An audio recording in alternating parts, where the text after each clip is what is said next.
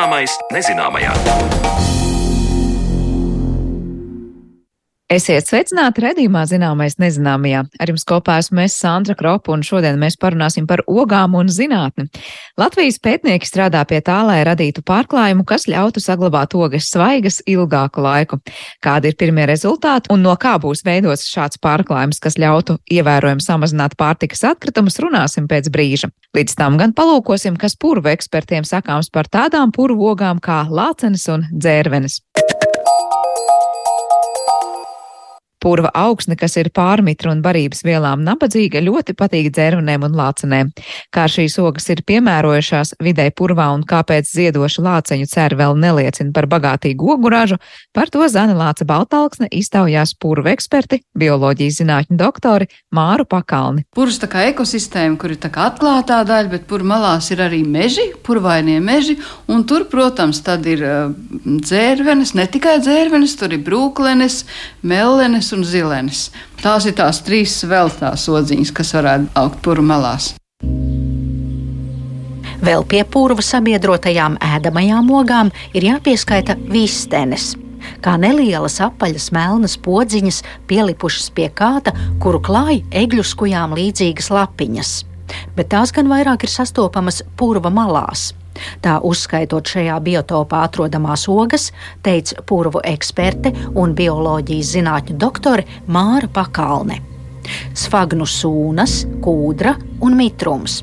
Tie ir faktori, kas veido purvu un ir pateicīga vide minētajām ogām. Turpmākajās minūtēs kopā ar Māru Pakalni lūkosim tuvāk purva ogas.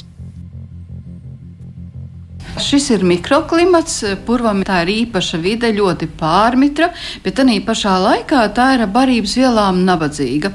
Un tāda šī vidē var augt tie augi, kuri spējuši pielāgoties šai barības vielām nabadzīgai videi. Tās tad ir tomēr galvenās ogas, tās ir cērvenes un lācenes. Bet tomēr nu, šīs ogas, es domāju, nu, uz lācenēm skatoties, ka viņas ir tik saldas un tik sulīgas, ko tās paņem no tās nabadzīgās augsnes un pārmitrās. Es domāju, ka visu sev nepieciešamo, jo lācenes un dzērvenes aug sūnu purvos, un barības vielas sūnu purvus saņem nokrišanu veidā no gaisa. Tātad šīs barības vielas ir pietiekams, lai šie augi tur spētu augt un arī dot ražu. Lācenes sauktas arī par šķomenēm, šķovenēm vai mīklenēm. Dzintar zeltainās un medainu garšu apveltītās ogas nevienmēr dodas rokā pat rūtītam šī garduma lasītājam, un pēdējos gados nākas dzirdēt no ogotājiem, ka lācenes purvos iet mazumā. Jā, es domāju, ka mums tiešām ir reta oga, un kā um, sanāca runāt ar iedzīvotājiem, kur jau visu mūžu faktiski dzīvo puru malā, un tad mums diemžēl stāst, ka kādreiz viņu jaunībā lācenes purvā bija daudz biežāk sastopamas. Tātad uh, gadu desmitu laikā, diemžēl, purvas uzsināšanas dēļ šīs lācenes purvos ir samazinājušās. Tāda ir šī situācija, un tādēļ arī, protams, ir jādomā, kā varam šiem purviem palīdzēt, lai faktiski atjaunotos šī ekosistēma un tās pašas lācenes dzērvenes augtu daudz labāk. Jūs teicāt, purva nosusināšana, bet es saprotu, ka purvs tiek nosusināts, un tur um, vispār nekas jau vairs eh, neaug tas, kas ir raksturīts purva ekosistēmai. Bet, ja purvs kā tāds pastāv un tās lācenes samazinās, kādi tur ir tie faktori? Ir tā, ir, ir dažādas situācijas. Ir tā, ka um, purvā varbūt agrākos laikos izrakti kontūrgrāvji, bet arī pašā laikā šis purvs nav pilnībā nosusināts. Tātad, ja uzlabojam ekosistēmas stāvokli, tad var augt augt arī šīs lācenes, visas citas ogas. Bet ir otrs pilnīgi cits gadījums, kad faktiski notiek kūdas ieguve kad faktiski ir ļoti grūti atjaunot tiešām šo dabisko purvu ekosistēmu. Tikai var uzlabot ūdens līmeni, pacelt, un tad sāks ieviesties varbūt šīs ogas, lāciņu lapas vai dzērvenes vai kādi citi augi. Jūs minējāt tādu terminu kontūrgrāvji. Prasīšu skaidrojumu. Nu, kontūrgrāvji tieši uzsināšanas grāvi, kas ietver purvu no visām malām, un tad arī purvos mēdz būt dažādi citi grāvji. Man tā kā tāds rāmis, jā, ja mēs... rāmis, jā, jā, un tie tiešām būtiski ietekmē šīs purvu ekosistēmas. Man šķiet, ka arī tām lācenēm un dzērvenēm, ka viņām tām sakņu sistēma ir arī tāda. Tas tur ir tāds, tāds vesels tīkls. Nu, ja? Tieši tā, dzērvenis jau ir ložņājošs augs, maziņš sīkrums, tāpat kā lācenīt. Dzērvene ir no ēriku dzimtas, lācene no rožu dzimtas ar skaistiem baltiem ziediņiem. Somijā, starp citu, ir arī tā arktiskā kaudena ar rozā ziediņiem, ja ir gadījies redzēt. Tā kā faktiski lācenis Latvijā varbūt tik daudz nerunā par viņu kultivēšanu, bet principā Somijā un citās zemēs arī tomēr nedaudz eh, šīs lācenes kultivē savos dārzos. Pie mums tikai dzērvenes, tā tad tiek izmantotas audzēšanai. Bet tas nozīmē, ka tad ir mākslīgi jārada tā purvainā augsne. Ar lācenēm ir tā, ka uh, lācenis varētu būt ar samērā lielu ekoloģisko amplitūdu, ka viņas spēj augt gan sausās vietās, grauju malās, piemēram, cenas tīrlīgi ar purva laipu vai kaut kur tur absolūti savs, ja viņas tā kā pionieru augs ieviešās, bet arī pašā uh, laikā viņas var augt arī ļoti mitrās vidēs. Tas nozīmē, ka tās lācenes tā viegli var pielāgoties. Viņas varbūt ir jau sākotnēji pielāgojušās, bet ar lācenēm ir sarežģīta situācija situācija, jo ir eh, gan vīrišķie, gan sievišķie augi. Ja, un eh, vīrišķie un sieviešu augi zied dažādos laikos, un tāda nevienmēr notiek apoteksinēšanās, kas arī varētu būt iemesls tam, ka mums tomēr lācenis nav tik daudz sastopams kā, piemēram, lapzemē. Tas nozīmē, ka nu, ir puisīts un ir meitiņa, un Jā. ja tur tie putekļi netiek aiznesti no puisīša uz meitiņu, tad vienkārši tas uh, augs izzied Un, un, bet, ne, jā, augsnē apakšnēs vēl var būt situācija, kad lācinēm patīk augt tādās kopā ar nelielām priedītēm un vaivariņiem. Jā, un, piemēram, ja šīs priedes ir susināšanas dēļ saukušas pa daudz, tad lācinēm faktiski ir apgrūtināta šī aputeksnēšanās. Vai arī nav pietiekoši vēja, un vai arī pa daudz vēja, tad kukaiņi nelidoni ļoti vēs. Tā kā lācins ir ļoti atkarīgs no šiem aputeksnētājiem, arī no vides, kurās tās aug. Tad sanāk no vienas puses tā lācena var brīvi pielāgoties, bet no otras puses tas, ko pirms tam jau jūs teicāt, ka tās lācenes aizvien mazāk, tāpēc, ka tie purvi sausāki, ka tu, kur tā robeža? Nu, tā kā mēdz būt ļoti dažādas situācijas, kā jau šajā dzīvē un dabā. Tā tad lācenes var augt gan sausākās, gan mitrākās vietās un dažādos apstākļos. Un, ja mēs skatāmies uz tām robežogām, kā jūs teicāt, mellenes un uh, zilenes, kurā brīdī ir, ka tai ogai paliek jau pa mitru vai ka tā augsne nav tāda? Nu, Zilēns varbūt vēl vairāk vēl var sastapt arī tiešām burvainā vidē, bet mellenes ir vairāk tieši purmalās. Tas ir skaitās dabiska skaista ekosistēma, ja purvs robežojas ar mežu. Tad tur ir nereti priežu meži ar, ar šīm mellenēm un brūklenēm. Bet kādreiz ir arī tā, ka tātad puru malās ir pārējais purs un tur ir skaisti cinīši kur var arī atrast uh, tiešām šīs brūkleņogas, bet tas nav savukārt tiešām ļoti raksturīgi.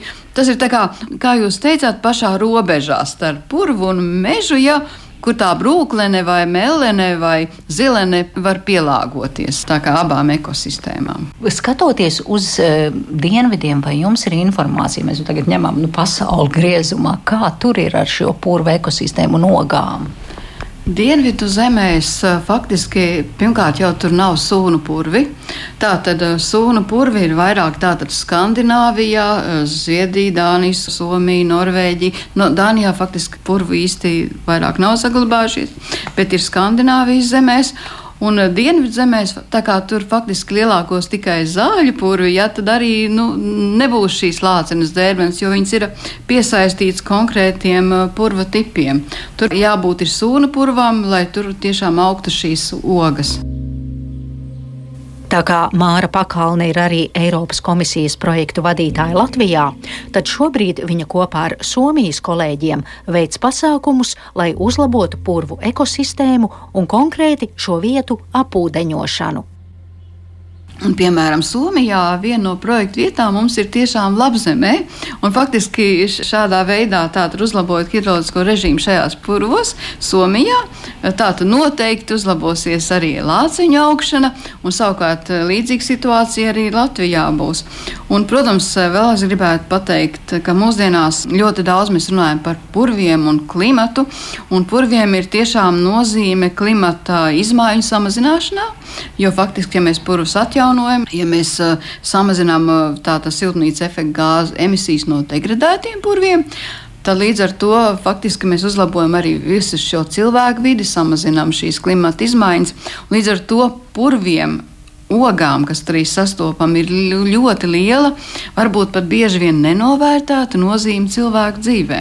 Tā tad mans ieteikums - sargāsim purvus, atjaunosim purvus, tā lai tajos augtu ogas un faktiski mēs visi būtu priecīgi un laimīgi. Jūs teicāt par to hidraulisko sistēmu, kā tas notiek. Faktiski ir tā, ka ir šie minētie kontūra grāvi un ir vēl daudzi citi grāvi. Faktiski par šiem grāviem tiek uzbūvēti aizsprosti, vai arī grāvi tiek aizbērti pilnībā. Un rezultātā nenotiek vairs ūdens noplūšana no purva. Un līdz ar to viss mitrums, kurš pirms tam principā ietu prom no purva un nosacinātu to, paliek šajā ekosistēmā. Un līdz ar to veidojas vai atjaunojas šī ļoti labvēlīgā vide, kura ir nepieciešama purva augiem. Tuvākajā nākotnē šāda hidrauliskā sistēma tiks izveidota netālu no Rīgas esošajā cenas tīrelī, kur kūdras laukos tiks pacelts ūdens līmenis, tā teica Māra Pakalne. Pirmkārt, lai tur augtu svāgni, lai tur augtu spilves, kur veido kūdru. Un, ja purvā veidosies šie kūdra, tad arī tur tā būs vide šīm ogām. Lācenēm, dzērvenēm, visai purvu ekosistēmas daudzveidībai, kas tajā sastopama.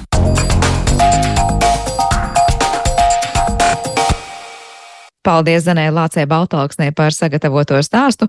Par ogām mēs tematu turpinām, jo studijā saruna ar zinātniekiem, kur izstrādā pārklājumu, kas ogām ļaus ilgāk saglabāties svaigām.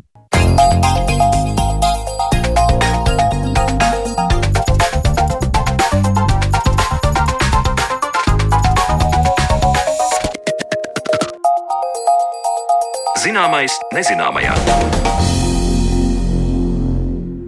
Viena trešdaļa no saražotās pārtikas pasaulē tiek izmesta, un tas ir neticams apjoms, īpaši apzinoties, ka daļa no šīs pārtikas ir ceļojusi tik tālu ceļu, audzēta izmantojot tik daudz resursu un galu galā ir gana dārga.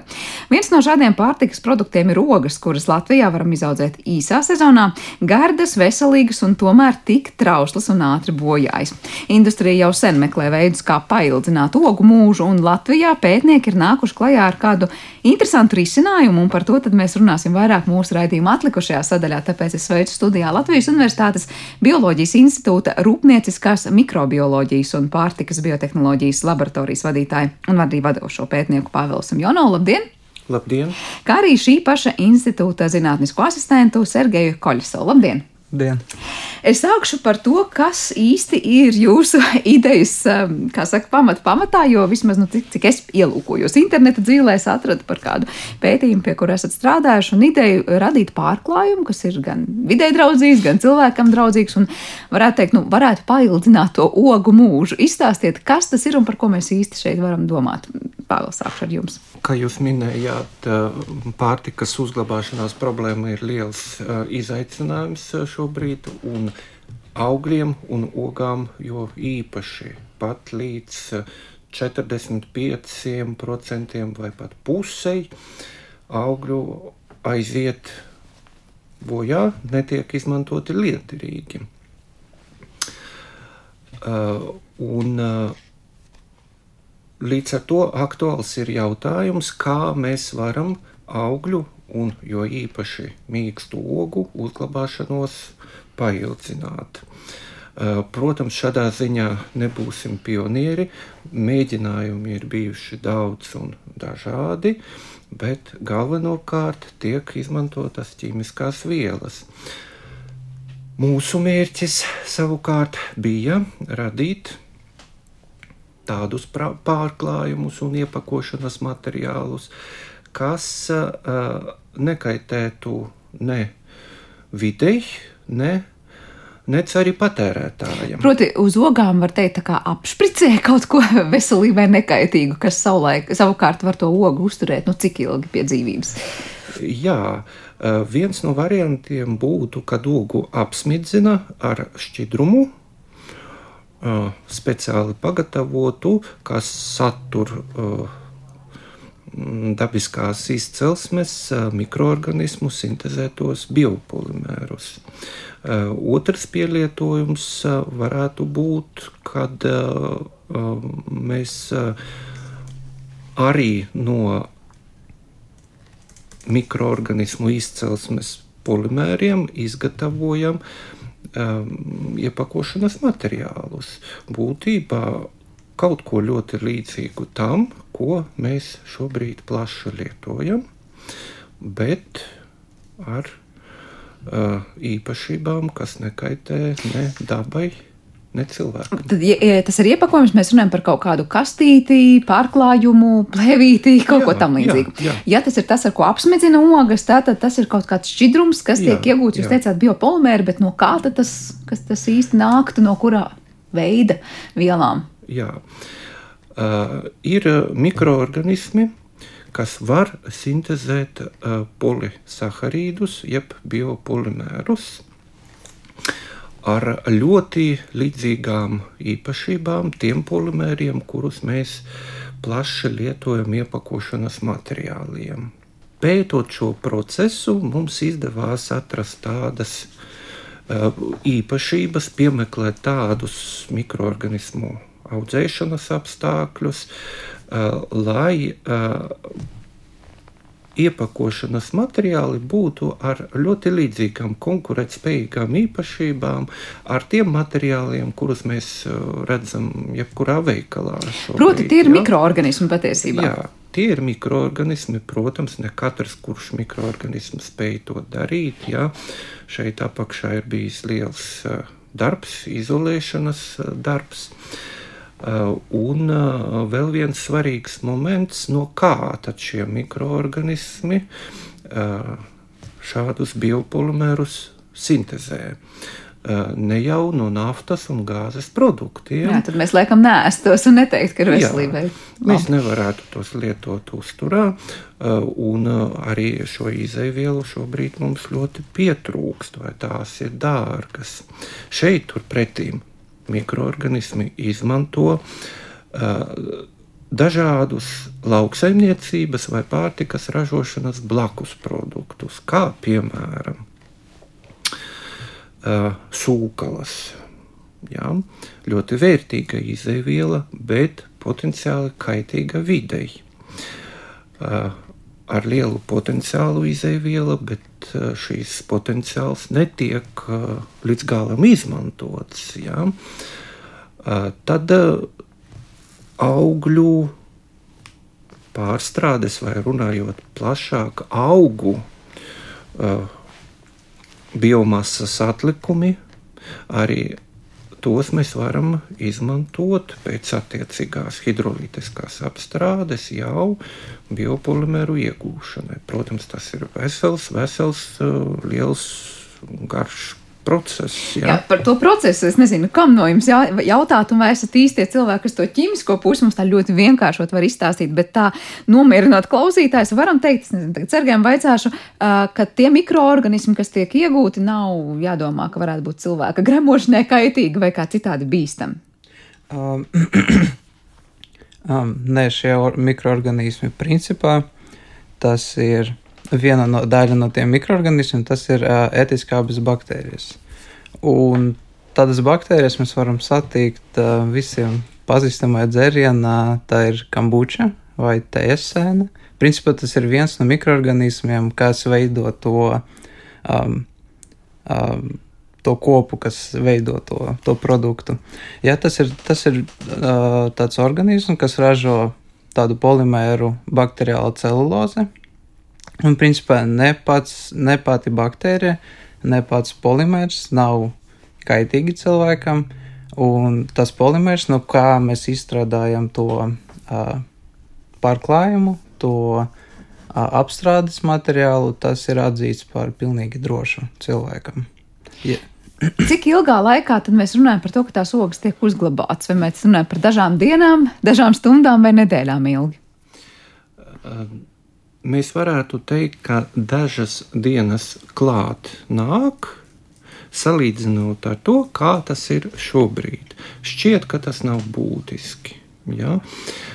Bet, nu, ja pareicinām, tad, tad tomēr šīs dažas papildus dienas ja, dot ievērojumu tādu nu, rentabilitātes pieaugumu gan, gan tirgotājiem, gan pirmkārt arī ražotājiem. Ir īpaši tie lielie apjomi, tad pavisam Jā. noteikti tās dažas dienas eh, katram tirgotājam un ražotājam būs Jā. svarīgas.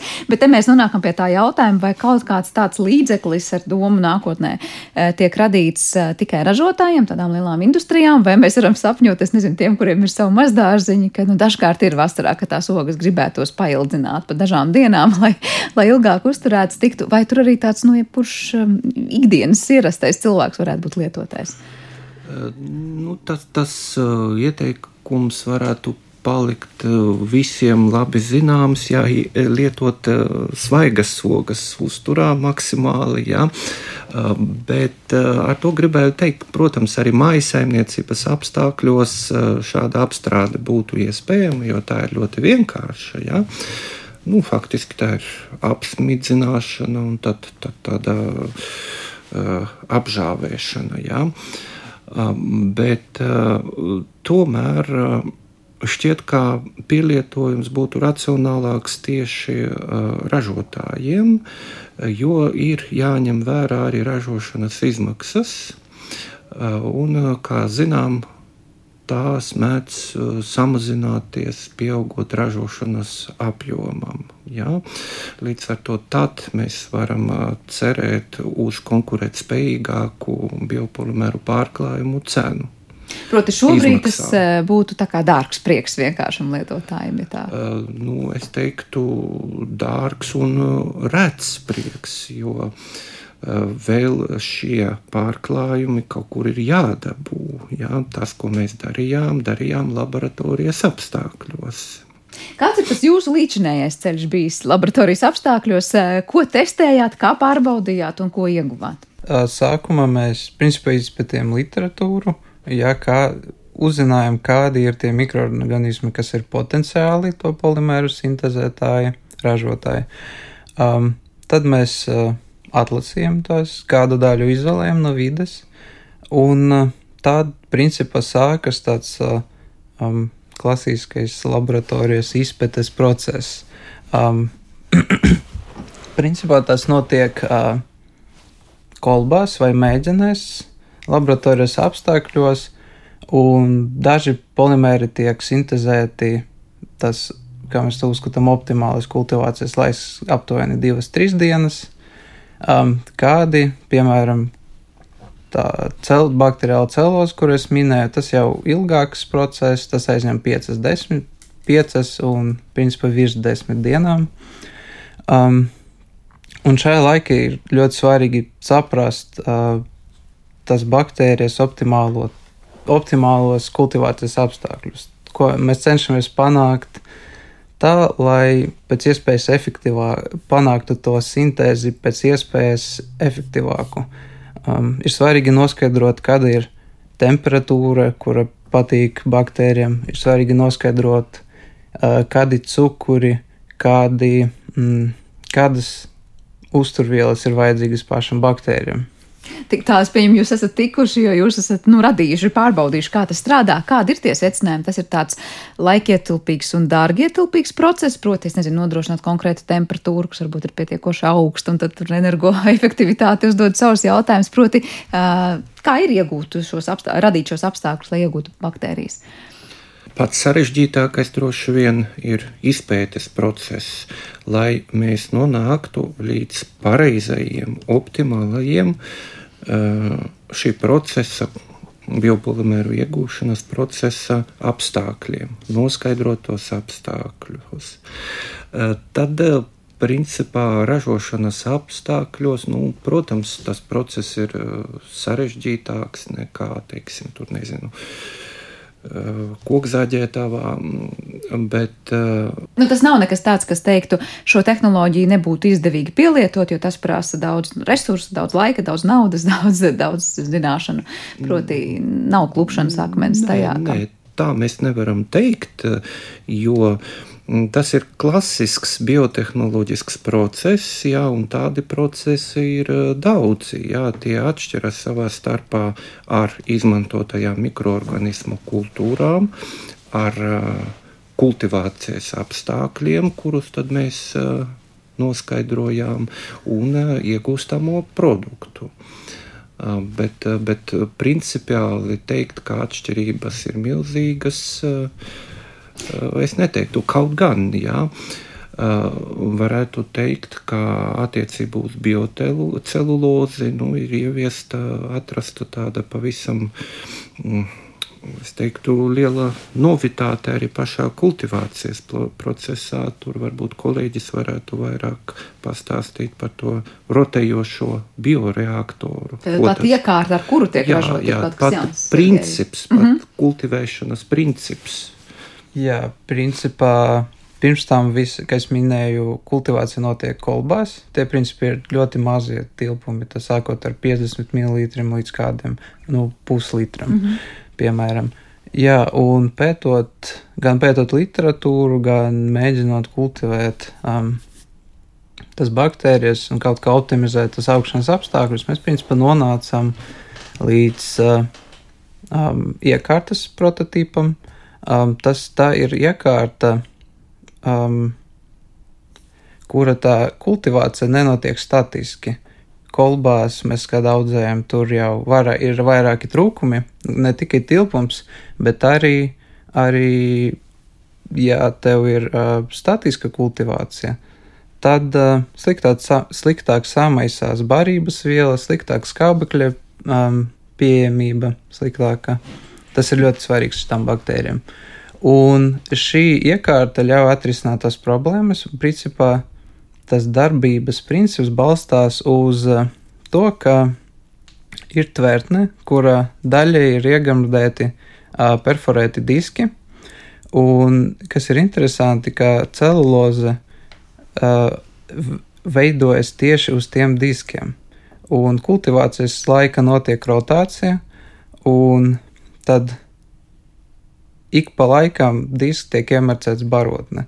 Bar, tad sanāk, ka baktērija iegūst nepieciešams barības vielas, gan skābekli, gan tiek nodrošināta maisīšana, un mēs panākam to, ka uzlabojas tā produktivitāte aptuveni 3-5 reizes. Tas ir ļoti atkarīgs, protams, no izmantotam izdevielām, bet jā, tas un um, šo iekārtu ir potenci liels potenciāls kaut kāda veida mērogot un mēģinātu jau virzīties uz tādu pilotu, uh, pilotu iekārtas. Tad es pieņemu, ka tas varētu būt arī interesants citiem cilvēkiem ārpus Latvijas, jā, kas skatās, varbūt, ko dara kolēģi šeit un saka, mēs tādu iekārtu labprāt iegādātos. Bet tas ir tāds par to iegūšanas pašu procesu un to tehnoloģisko, bet tagad runājot par to, kas notiek uz tām pašām ogām un kāpēc konkrēti šie pārklājumi tad ļautu tām nebojāties vai ir iepakojums.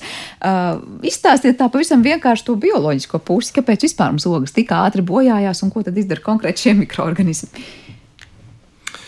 Ogas satur daudz cukuru, un cukuri patīk ne tikai mums, bet arī citām baktērijām, kas šīs ogas bojā.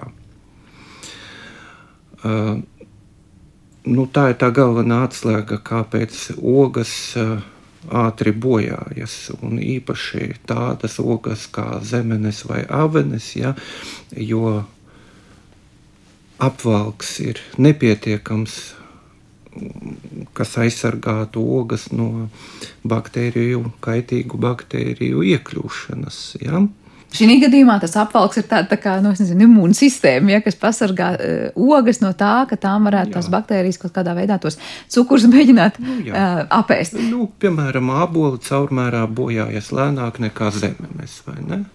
Uz jo kurām tā... ogām starp citu šis pārklājums vairāk būs domāts un, un tas iepakojums, tā kā jūs piesaucat zemenes, savenes, jā, tās arī tās, būs? Jā, jo tām ogām tas ir aktuālāks.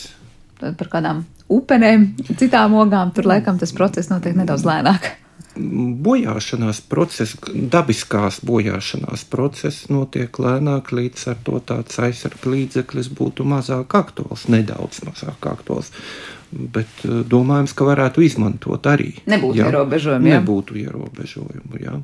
Jā, es pieļauju, ka arī, ja mēs par industriju runājam, tad tiešām nu, tas, ko biežāk pērkam un biežāk redzam veikalu plauktos, būs, protams, zemenes un avenes, nevis arī upenes. Bet runājot par to, kā līdz šim, kādi ir tie tradicionālie veidi līdz šim, kā aizsargā ogas, lai nu tajos veikalu plauktos tās lēnāk bojātos. Kas ir tas, ko mēs patiesībā arī apēdam līdz šim, ja mēs nedomājam par šādām konkrētām mikroorganismu radītām pārklājumu schēmām?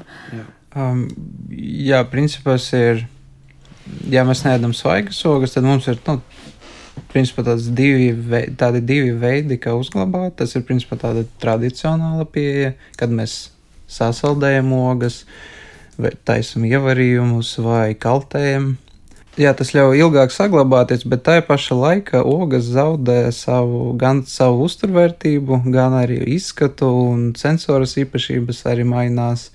Um, Bet es domāju par tām ogām, kas ir svaigas. Nu, piemēram, mēs iedomājamies tās pašās zemeņu kastēs, ko mēs vasarā varbūt iegādājamies lielveikalos, nu, zinot, cik paši varbūt esam saskārušies ar to, cik trausls ir šīs ogas un cik ātri tās bojājās. Ar ko tās ir pārklātas ar kaut ko taču ir, jo citādāk mēs tās droši vien tik skaistas jā. un stabilas savā rīcībā neiegūtu. Jā, un principā jā, tā ir tieši tā otra daļa, bet pirmā ir tā, un otra ir ar ķīmiju.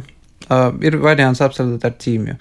Uh, dažādas ķīmiskas vielas, piemēram, natrija benzoāts vai kalcija bisulfīts, piemēram, tas kavē mikroorganismu attīstību uz ogu virsmām. Uh, līdz ar to mēs varam pagarināt to um, uzglabāšanas termiņu. Jā, un tad, protams, kad mēs uh, apstrādājam, apsmidzinām ogas ar tādam ar atšķirīgam ķimikāliem, tad, protams, mēs apēdam tās kopā ar ogam, un tam ir neliela, bet tomēr tas nedaudz ietekmē gan cilvēka pašu mikrobiotu, jo tas, tas, tas vielas sāk ietekmēt mūsu mikro, uh, mikroorganismu kopu. Jā gan arī nonāk masinīs. Pāvēlam būs kas piebilstams par to ietekmi un līdzinējiem līdzekļiem, ar ko mēģinām pagarināt ogu mūžu veikalu plauktos. Pēdējā laikā arī šķirņu atlase ir vērsta uz to, lai augļi ilgāk uzglabātos. Ja esam ievērojuši, bieži vien veikalā šie augļi izskatās skaisti, īpaši zemenes ziemā. Jā. Bet garšas nav nekādas. Ja? Tātad arī pieeja var būt šāda, ja? ka mēs uzlabojam augļa spēju uzglabāties, bet zaudējam kādas garšas, aromāta īpašības. Nu, ir tas diezgan svarīgs zudums tomēr. Nu, jā. Par tām kaitīgajām ietekmēm vēl būs kas piebilstams, vai Sergejs visu izstāstīja? Visumā tā tas ir, jā, kaut gan visas uh, vielas, ar kurām tad uh, apstrādā tiek um, kontrolētas, uh, ir noteiktas minimālās pieļaujamās normas, bet, nu, laika gaitā uzkrājoties, protams, cilvēkam nekādu labumu tas nenodarbojas. E, nu, izklausās jūsu konkrētajā gadījumā par šo pārklājumu runājot ļoti jauks risinājums, jo mēs paņemam kaut ko no citas ražošanas atkritumu vielām, radam kaut ko, kas, es pieņemu, arī pēc tam ļoti viegli noārdās. Mums nav jādomā par to, ka vidē tagad paliek kaut kas arī ražošanas procesā. Ja mums nav jādomā par to, ka kamēr jūs iegūstat pārklājumus un radat šos mikroorganismus un uzaudzēt tos, vidē apkārtējā nonāk kaut kas ne īpaši draudzīgs un kas ilgi nesadalīsies. Vai tur tomēr ir lietas, par kurām jāpiedomā? Es teiktu, vēl vairāk mēs uh, iegūstam ražošanas procesā vēl citus papildus produktus, piemēram, organiskas skābes, ja, uh, kuras arī varētu ļoti liederīgi un plaši izmantot. Bet nē, nekādu papildus uh, tādu Nu, kaitīgu vielu bīstamu atkritumu neveidojas. Nē, nē. Tātad eh, no atkritumiem un pāri palikumiem mēs redzam kaut ko, kas ir gana labs risinājums vidēji draudzīgs tālākai lietošanai. Izskatās, arī tirgu varētu būt pieprasīts, un arī vēl papildus, jūs teicāt, tikko eh, radot šīs organiskās skābes, radāt vēl kādu produktu. Kā ir ar interesi no industrijas puses šeit pat Latvijā vai arī kaut kur citur, citās valstīs, ir interesi par šādiem pārklājumiem, šādiem iepakojumiem? Interese ir liela. Mūsu pētījumi notika sadarbībā ar vairākām zemnieku saimniecībām, ja, kas specializējas ogu audzēšanā, un arī ar sadarbībā ar piena pārstrādes uzņēmumiem. Ja, un šeit var minēt tādu vienu piemēru, kā nebūtu ne tikai ogām šie materiāli būtu derīgi un efektīvi. Ja.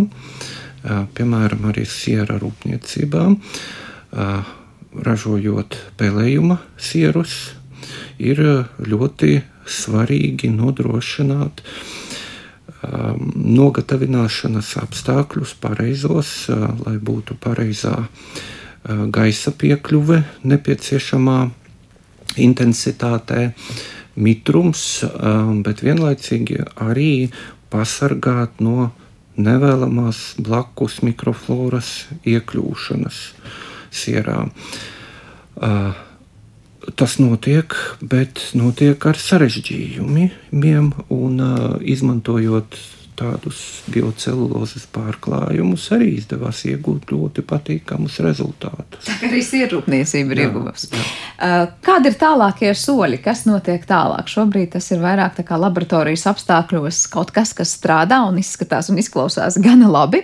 Jā. Uh, kādi ir turpmākie soļi, lai mēs kaut ko tādu, nu, kā saka, uh, tirgu varētu sākt lietot? Mēs varam runāt par vēlamiem soļiem, vai visi no tiem soļiem īstenosies pieejamā finansējuma ietvaros, jā, par to šobrīd ir grūti viennozīmīgi spriest, jā, kaut gan tādas ieceres ir. Domājams, ka nākamais posms būtu tehnoloģijas attīstīšana līdz pilotu pilotu iekārtas, pilotu procesa mērogiem. Tas ļautu mums arī objektīvāk spriest par procesa ražošanas izmaksām. Jā, šeit mēs varētu vispār sākt runāt par ražošanas izmaksām. Tā kā šobrīd tās ir miglātītas, jo vēl nav jā, tā. Diemžēl šobrīd miglātītas, jā, bet tādas ieceres ir. Bet vairāk tā kā tās izmaksas, jūsuprāt, varētu būt uz tām, kas kārtīgi būs jādomā, kā samazināt, un tās būs augstas, vai tur nebūtu liela problēma? Uh, ļoti ievērojama nozīme uh, tādos biotehnoloģiskajos procesos līdz pat 30% eh, kopējās izmaksās veido barotnes, jeb tās vides izmaksas, kur aug mikroorganismi un kaut ko pēc tam sintēzē. Ņemot vērā to, ka mēs izmantojam tādas izēvielas, no kurām ražotājs bieži vien grib tikt vaļā un vēl piemaksāt, un dara to šobrīd piemaksā, ja, lai utilizētu. Tad, tad šī ir viena no iespējām ražošanas izmaksas ļoti būtiski samazināt. Tāpēc skatāmies uz kopējām izmaksām optimistiski. Protams, tās nav vienīgās izmaksas. Procesam arī ir nepieciešams siltums, enerģija. Ja. Tās, diemžēl, tur arī piedalās. Ja baktērijām patīk augt pie temperatūras vismaz 28 grādi. Uh, varētu viņas iemācīt augt pie zemākas temperatūras, bet process tad būs stipri lēnāks. Mums ir jāskatās, kā ir izdevīgāk, ātrāk un dārgāk, vai lēni un lēti. bet, ja tas ir ātrāk vai lēnāk, mēs jebkurā gadījumā runājam par šīm 2 līdz 3 vai 5 līdz 10 dienas, ko Sergejs minējuši, proti, kas šobrīd ir jūsu laboratorijas apstākļos, vai tur varētu būt, ka mainās šis, šis dienas skaits. Mēs runājam par nu, teikt, nu, nedēļa, maksimums divas, kuru laikā šis, šis um, mikroorganismi ir teikt, izveidojuši visu vēlamo. Um, principā, jā, tas divas, trīs dienas, tas, protams, atkarīgs no mikroorganisma. Um, ir ļoti svarīgi. Um, um, principā, jā, ja mēs izveidosim to pilotu uh, iekārtu, jā, tad mums būs iespēja arī um, vēl vairāk to procesu optimizēt.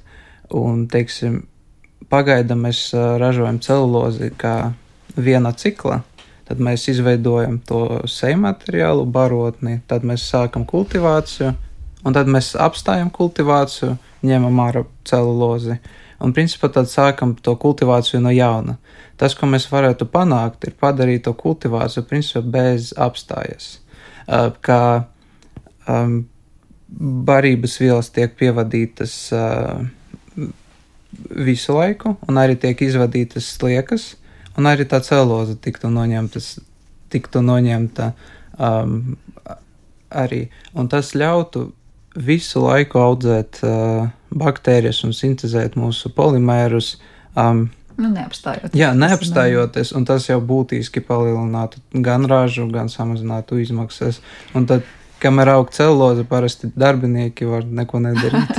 jā, nu izklausās gan cerīgi, redzēsim, kā veiksies, un cerams, ka dzirdīgas ausis atradīs šie tālākie risinājumi. Vienīgi noslēdzot šo sarunu, kā jūs paši abi skatāties vairāk nu, optimistiski tā iepakojuma materiāla virzienā vai tā pārklājuma, ar ko m, varētu apsmidzināt ogas. Jūs sarunas sākumā teicāt, ka ir tie divi virzieni. Kā jums liekas, kur būs tas process daudz ātrāks un varbūt pieprasījums lielāks?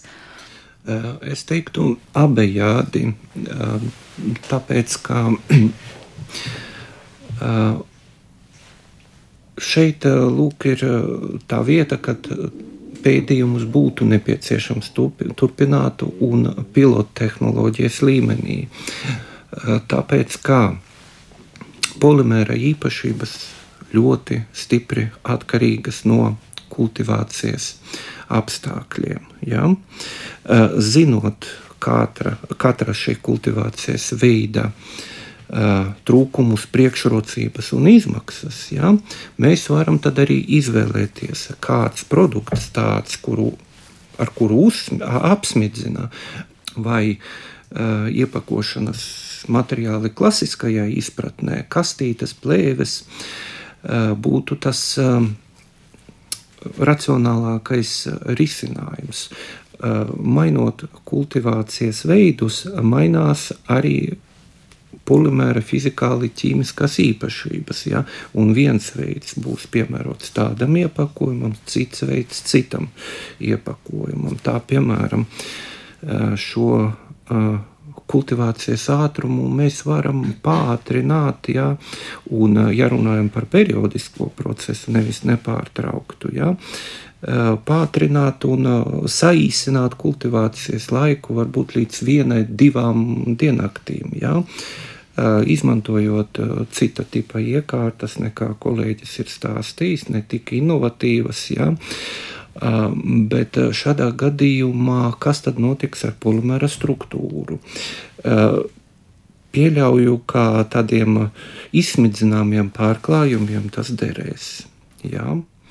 Bet savukārt iepakošanas materiāliem vairs var arī nederēt. Nu, katrā ziņā dzīve rādīs, jā, kurā dzīve virzienā, rādīs. bet izskatās, ka varētu būt gan, gan jautājums jā, par to, kā jā, tieši tehnoloģija jā. tiek izmantot. Nu, ko, lai veicas, un teikšu jums lielu paldies par to, kā atnācāt šodien pie mums ciemos un pastāstījāt par savu ideju un šiem risinājumiem. Tiešām izklausās gana, nu, kaut kas tāds ilgi gaidīts un veiksmīgs. Ceru, ka tā arī notiks. Latvijas Universitātes Bioloģijas institūta Rūpnieciskās mikrobioloģijas un pārtikas biotehnoloģijas laboratorijas vadītājs, vadošais pētnieks Pāvels Samjonovs, kā arī šī paša institūta zinātniskais asistents Sergejs Koļesovs šodien bija pie mums raidījuma zināmais nezināmajā studijā, un par šo raidījumu kā parasti rūpējās producenta Paula Gulbinska, mūzikas redaktors Dzirds Bišs, Kristīna Delbīs, skaņu režijā un Sandra Kropa studijā. Vislabāk!